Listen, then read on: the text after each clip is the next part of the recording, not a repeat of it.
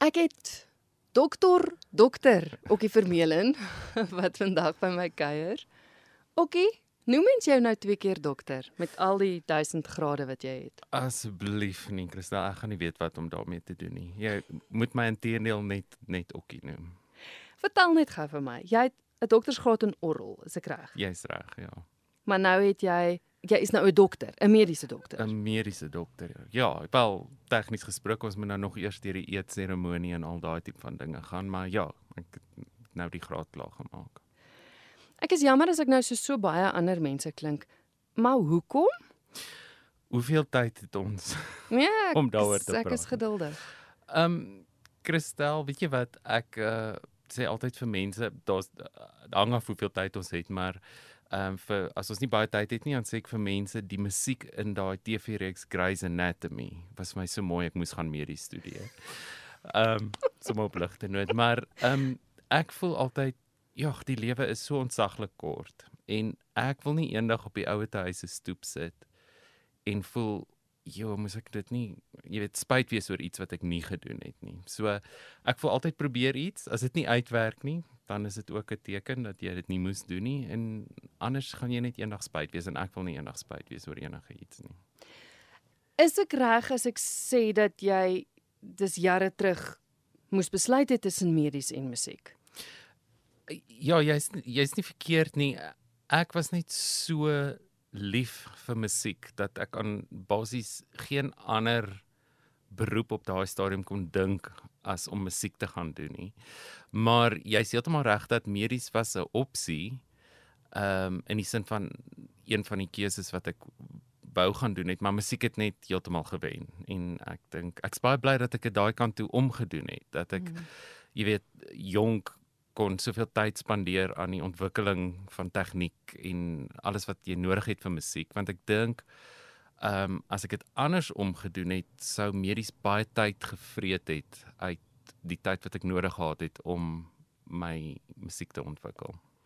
Ek hoor jy sê van dat jy nie eendag op die stoep wil sit en wil spyt wees oor iets nie, maar het finansies ook 'n rol gespeel want kom ons wees nou maar eerlik. Ons bedryf maak nie geld nie. Ja.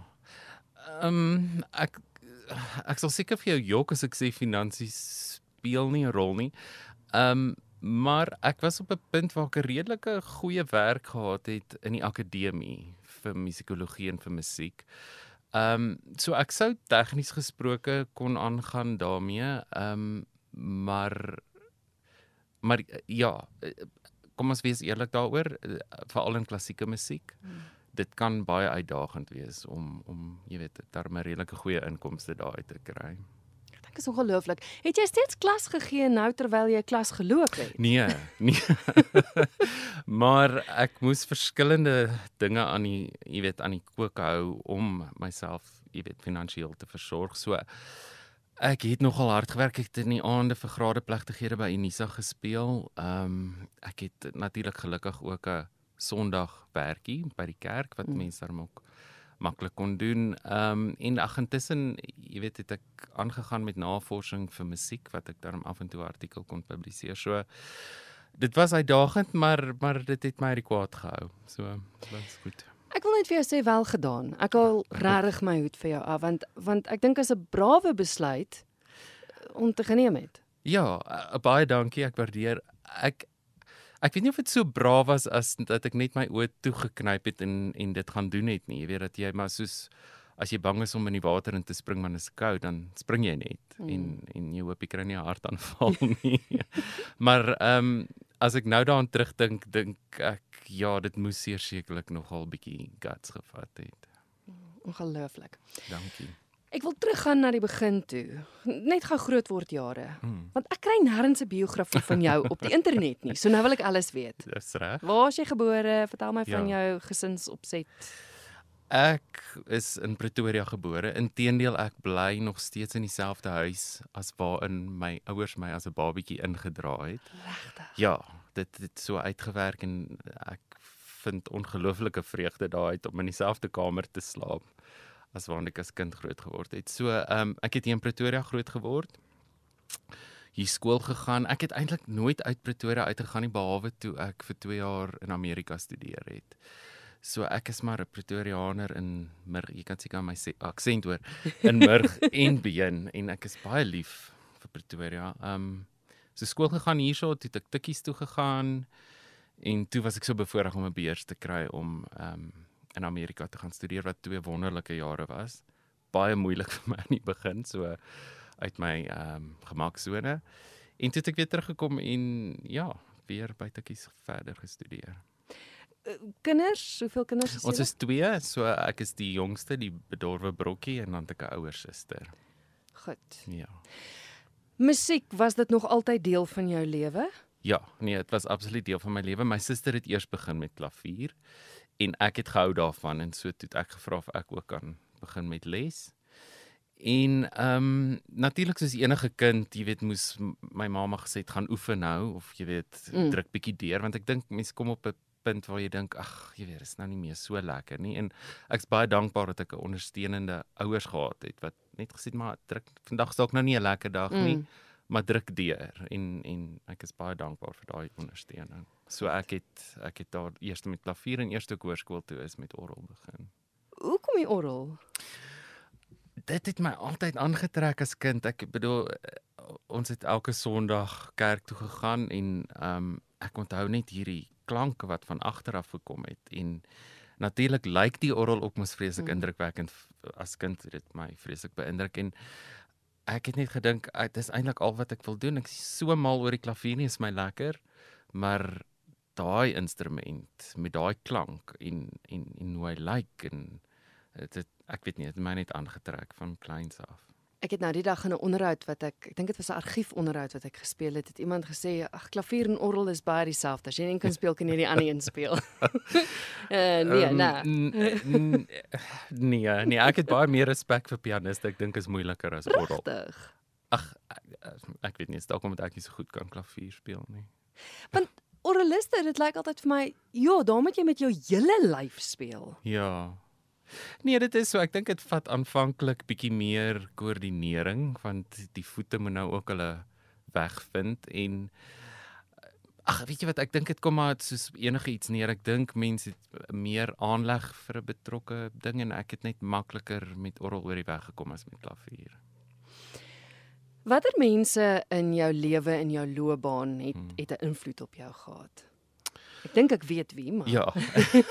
dit is altyd my standaard antwoord, maar ek gaan vandag anders begin. So ek gaan definitief sê my familie heel eerstens, want as daar nie 'n klavier in die huis was wat my ma gespeel het nie en as my suster nie met klavier begin het nie, eh, jy weet ek weet nie of ek ooit by klavier sou uitkom nie. So ek het 'n baie ondersteunende familie gehad en as hoe ouer ek word, hoe meer besef ek wat 'n voorreg dit eintlik is.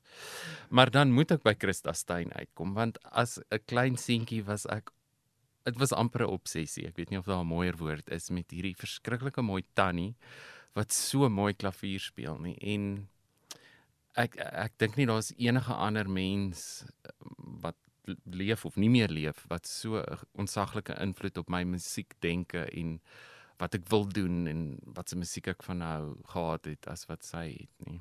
het julle ooit saamgewerk? O ja, ja, dit is dis ook een van die dinge waar ek nie gaan spyt wees op die ou Mm. huis se stoep nie is Ja. ehm um, hoe dit uitgewerk het dat ehm um, veral aan die einde van haar lewe toe sy nie meer so baie kon werk nie, sy my eintlik ingetrek het om te help met die werk en hoe ek langs haar in die studio gesit het en werk het en jy weet baie keer myself moes knyp en dink ek wonder wat klein Okkie sal sê daarvan dat hy nou langs tannie Christa Steyn Ja. sit en en saam met haar werk. Dit was uh, ja, ongelooflik. Hoe het julle ontmoet? Of kan jy nog die eerste keer onthou toe jy haar ontmoet Ja, het? ek het in die ou dae was uh, ons manier van kommunikeer mos maar met briewe. Ja. So en uh ek weet nie of jy vir Edwald van Aarde se Afrikaanse treffers onthou. Ja, ja, ja. Hy het so elke week 'n kunstenaar se adres uitgesaai en die betrokke dag het hy Christa Steyn se posadres uitgesaai en ek het vir haar 'n briefie in die pos gegooi. En, o, ekskuus, hoe oud was jy toe? O, seker so 11, 12, ja. En die mooiste briefie geskryf in my mooiste handskrif en my ma moes hom deurlees en als en weet jy wat sy het nie teruggeantwoord nie. Ja. En Ah. toe dink ek maar dalk het die briefie net nie by haar uitgekom nie. So ek gaan nou elke week 'n brief skryf totdat sy antwoord en sy het steeds nie geantwoord nie. So later dan ek dink sy het so moeg geword vir hierdie briewe wat daar aankom en sy het toe een aand gebel. Ek was in standaard 6 wat dit graad 8 Ja. en gesê Oké, baie dankie. Ek kry jou briefies. en ek wil jou uitnooi na my vrystelling van my nuwe plaat langspeler en dit is op daardie dag en dan wil ek jou graag ontmoet en dis dis hoe ons ontmoet het. Dink jy sy het dit gedoen net om jou stil te kry? ek weet nie, maar ek is baie dankbaar as as dit dan nou die rede was, was dit was dit goed dat ons so by mekaar uitgekom het. maar wanneer het sy toe besef dat ek meen as sy in haar later jare jou ingetrek het, wanneer het sy besef maar ja, hierdie okkie is eintlik uh, iemand om te ken? Ehm um, ek dink dit het 'n rukkie gevat want ek was toe eers weer oor see en en dit ons nie so baie kontak gehad nie. Ek dink wat wat daar in my guns getel het is dat ek so haar manier van doen en haar styl my eie gemaak het dat ehm um, want dis hoe ek wou klink en dis hoe ek musiek wou verwerk en alles wat ek weet van musiekverwerking het ek by haar geleer dat ek dink sy het gevoel ehm um, ek kan dit waarmee sy begin het klaar maak wat vir my 'n ongelooflike kompliment was. Um, en, en en dit het eintlik daarop neergekom dat ek eers 'n CD by haar studio opgeneem het waar ons weer mekaar eintlik maar musikaal, jy weet, ehm um, weer ontdek het. Mm. Ek dink dis dis hoe dit gewerk het. Met jou 2 jaar se studies oor see in Amerika, sou jy die opsie gehad het om daar te bly? Uh, Dis 'n interessante vraag want ek het met 'n beurs oor see gegaan en en hulle het van die begin af gesê jy kan nie aanbly in Amerika nie want jy moet terugkom om om nou jou kennis terug te ploeg in die land. Goed. Maar ehm um, ek dink ek was 2 dae terug in Suid-Afrika toe dieselfde dit was 'n Fulbright beurs my kontak het en gesê wil ek graag my doktorsgraad ook in Amerika doen. En op daai stadium het ek besluit om dit nie te doen nie want ek het gevoel ek is nou terug in Suid-Afrika en ek moet nou hier begin om vir my 'n loopbaan aan mekaar te slaan. En dis natuurlik nou, jy weet soos hulle in Engels sê hindsight is the perfect sight. Was dit die regte keuse of was dit nie die regte keuse nie? Ek dink dit was want anders sou ek nooit, jy weet, saam met Christa gewerk het en gedoen het wat ek wil nie en wie weet. So, ehm um, dit was later 'n opsie om dit te gaan doen, maar ek het gekies om dit nie te doen nie. Mm. Wat is jou hoogtepunt? En ek weet ek weet dis 'n baie onregverdige vraag. Okay, hoogtepunte. Maar is daar iets Ja. wat vir jou uitstaan? Daar's tog altyd iets wat net so 'n bietjie nader aan die hart is. Kan ek kan ek ten minste twee noem? Jy's meer as welkom. So uit die aard van die saak gaan een Christa Stein behels. So my ek weet ek het tydens die konsert nogal daaraan gedink. Ek my eerste konsert saam met haar lewendig by KAK&K terwyl sy saam met my speel. Ja. Dit was 'n hoogtepunt en ek dink dit sal nog altyd 'n hoogtepunt bly. En dan as ek vinnig vinnig dink aan die ander een was ek het ehm um, die voorreg gehad om in Monaco te gaan speel omdat prinses Charlene 'n Suid-Afrikaner was en ek dink dit was die enigste rede hoekom hulle my gevra het om te gaan speel en en dit was net dit het net so uitgewerk. Ek het jy weet saam met die koninklikes gesit en 'n Franse champagne drink en toe dink ek, "Sjoe, dit is dis nie sleg nie." Ag tog so beskeie. Dink jy nie dit was dalk omdat jy goed is nie? Weet jy ook ek, as jy dit sê sal ek dit vat. Ja, dankie. Ek moet dit vra, laagtepunte. Daar is maar altyd ergens in mense lewe wonder jy, Ja. "Mm, miskien het ek dit gedoen het nie." Ehm um, ja, wel 'n laagtepunt is is is 'n moeilike woord. Ehm um, Ek hoor jou. ja, maar ek ek is 'n ongelooflike swak onderwyser en ek kan dit nou erken. Maar ek was vir 'n hele rukkie in die onderwys en en ek het ek dink net sommige mense is beter onderwysers as ander, soos met enigiets in die lewe en ek het bietjie onder aan die spektrum geval as dit kom by talent in in die onderwys. So ek ek het vir 'n rukkie by myself gedink is dit wat ek vir die res van my lewe gaan moet doen en ehm um, ek ek dink net dit het gelukkig so uitgewerk vir die kinders en vir my dat ek nie te lank, jy weet, daar vasgeval het nie. En en met dit eh, bedoel ek nie in die onderwys as 'n beroep nie, maar net omdat dit nie my Mm. sterkpunt was nie. Mm, mm. Wat maak jou ongelukkig? Ehm um, wat maak my ongelukkig? Kristel, dis nou 'n moeilike vraag. Jy vra hom nou, jy het my kans gegee om hom voor te berei. Wat my ongelukkig maak as ek dit op 'n dieper vlak kan antwoord is ek sien dit in die hospitale.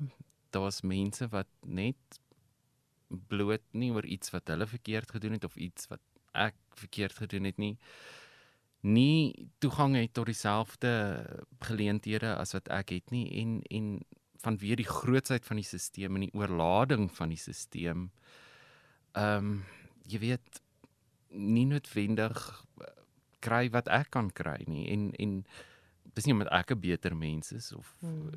en dit maak my ongelukkig. Ek weet nie waar mens begin om dit reg te stel nie want ek dink die stelsel is so gebroken dis nou 'n diep punt. Um wat my andersins ongelukkig maak is as ek nie my glasie wyn op 'n Sondag kan drink nie om een of ander rede nie. Um ja, andersins dink ek ek is 'n redelike gelukkige mens. Wat maak jou gelukkig? 'n Glasie wyn op 'n Sondag. Ehm um, ja, ag en enigiets wat mooi is. Ek moet sê mooi musiek, 'n mooi uh, mooi film ek is maar 'n uh, uh, wat s'ie mooi Afrikaans vir 'n sakker. Ek is 'n sakker vir enigiets wat mooi is. Mm. Jy het soveel al bereik. Jy sit met 2 grade. 2 uiteenlopende grade. wat wat is daar wat jy nog wil doen? Ek meen as jy nou as jy nou kan sê, "Ja, jy weet, ek kan terugkyk op my lewe eendag as ek op die stoep ja. sit en sê, "Ja, ek het dit gedoen." Maar ja. wat is daar nog wat jy wil doen? Nog 'n graad? O, oh, so, ek ek ek weet mense mens moet nooit nooit sê nie, maar ehm um, o, oh, ek hoop regtig die swattings is nou vir 'n rukkie klaar. Ehm um, dis ek het nie vreeslike langtermynplanne in die sin van ek wil nog argitektuur of so iets doen nie, maar ek staan nou op die vooraand van 'n nuwe uitdaging mm. of loopbaan wat ook al. En ek wil dit tog graag goed doen. So ek ek dink vir nou wil ek daarop fokus om 'n goeie dokter te word eendag. Ehm um, en dit is my my uitdaging. Uh en wie weet ons ons kyk maar wat gebeur in die toekoms, maar vir eers is dit my fokus. Maar jy's nie verlore vir die musiekwêreld nie. nie. Glad nie nee. Ek is baie meer ehm um, selektief oor wat ek aanpak want ek wil nie 'n swak produk daar buite stel nie. Maar ek kan nie dink dat ek ooit musiek gaan los nie want dit is eintlik basies my eerste liefde en dit is wat my aan die gang hou en dit is wat my asem gee en as iemand my kwaad maak in die hospitaal dan kan ek na mooi musiek luister en jy weet dit dit maak my sin. So nee. Ek uh, sover dit van my afhang sal ek nie ooit musiek los nie. Wat die goeie nuus is dat jy sommer binnekort te sien is. Aardklop ou baad. Luisteraars ken dit. Maandeliks is daar 'n konsert wat aangebied word by Afrikaans Hoërseunskool en jy en jou vriende gaan 'n Kersfees konsert hou die 4de Desember. Ja, ja, ek sien baie uit daarna want my vriende behels dan nou Charles Du Plessis en Lazelle Roux en jy weet dit is dis uitmuntende musikante. Christa het altyd vir gesê speel altyd saam met mense wat beter is as jy want dan lyk like jy ook goed.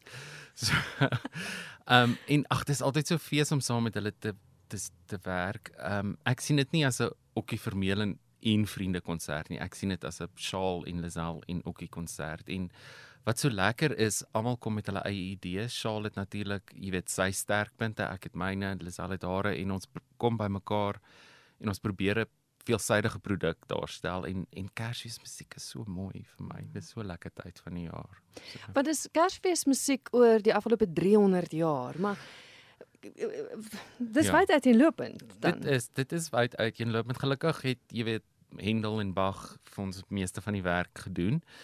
Maar ons gaan ook dan nou die meer moderne daai tipe Kersmusiek wat mense graag wil hoor in Kersfeestyd gaan ons gaan ons ook speel. Ek vra altyd vir mense wat 'n Kerskonsert doen. Hmm. Hoe maak mense dit anders en nuut? Want daar was oor die jare al soveel Kerskonserte gewees. Dis reg.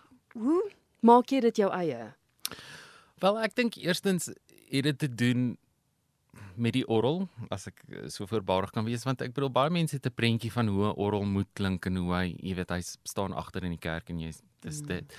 Maar van weer eens van weer die feit dat ek vir Charles Du Plessis het wat so 'n veelsidige musikant is dat ek vir Lazelle het kan ons musiek in ander style aanpak as net die sogenaamde tradisionele kerkmusiek. So mm. ons kan jazz op die orgel speel nie omdat ek 'n jazzmusikant is nie, maar omdat Charles vir my dit kan uitskryf. Jy weet en hy kan dit laat klink asof ek 'n gesoute jazz oralis is wat ek nie is nie. Ag so ek dink dit hang af van die mense met wie jy jouself omring in daardie tipe konsert en en daai twee spesifieke mense laat mens toe om grense jy weet te verskuif miskien en dis 'n sterk woord maar om bietjie buite die normale te ondersoek. Dit is aan die 4de Desember, dis 11:00 by Affies. Dis reg, ja. Ek wil so 'n laaste vraag vra.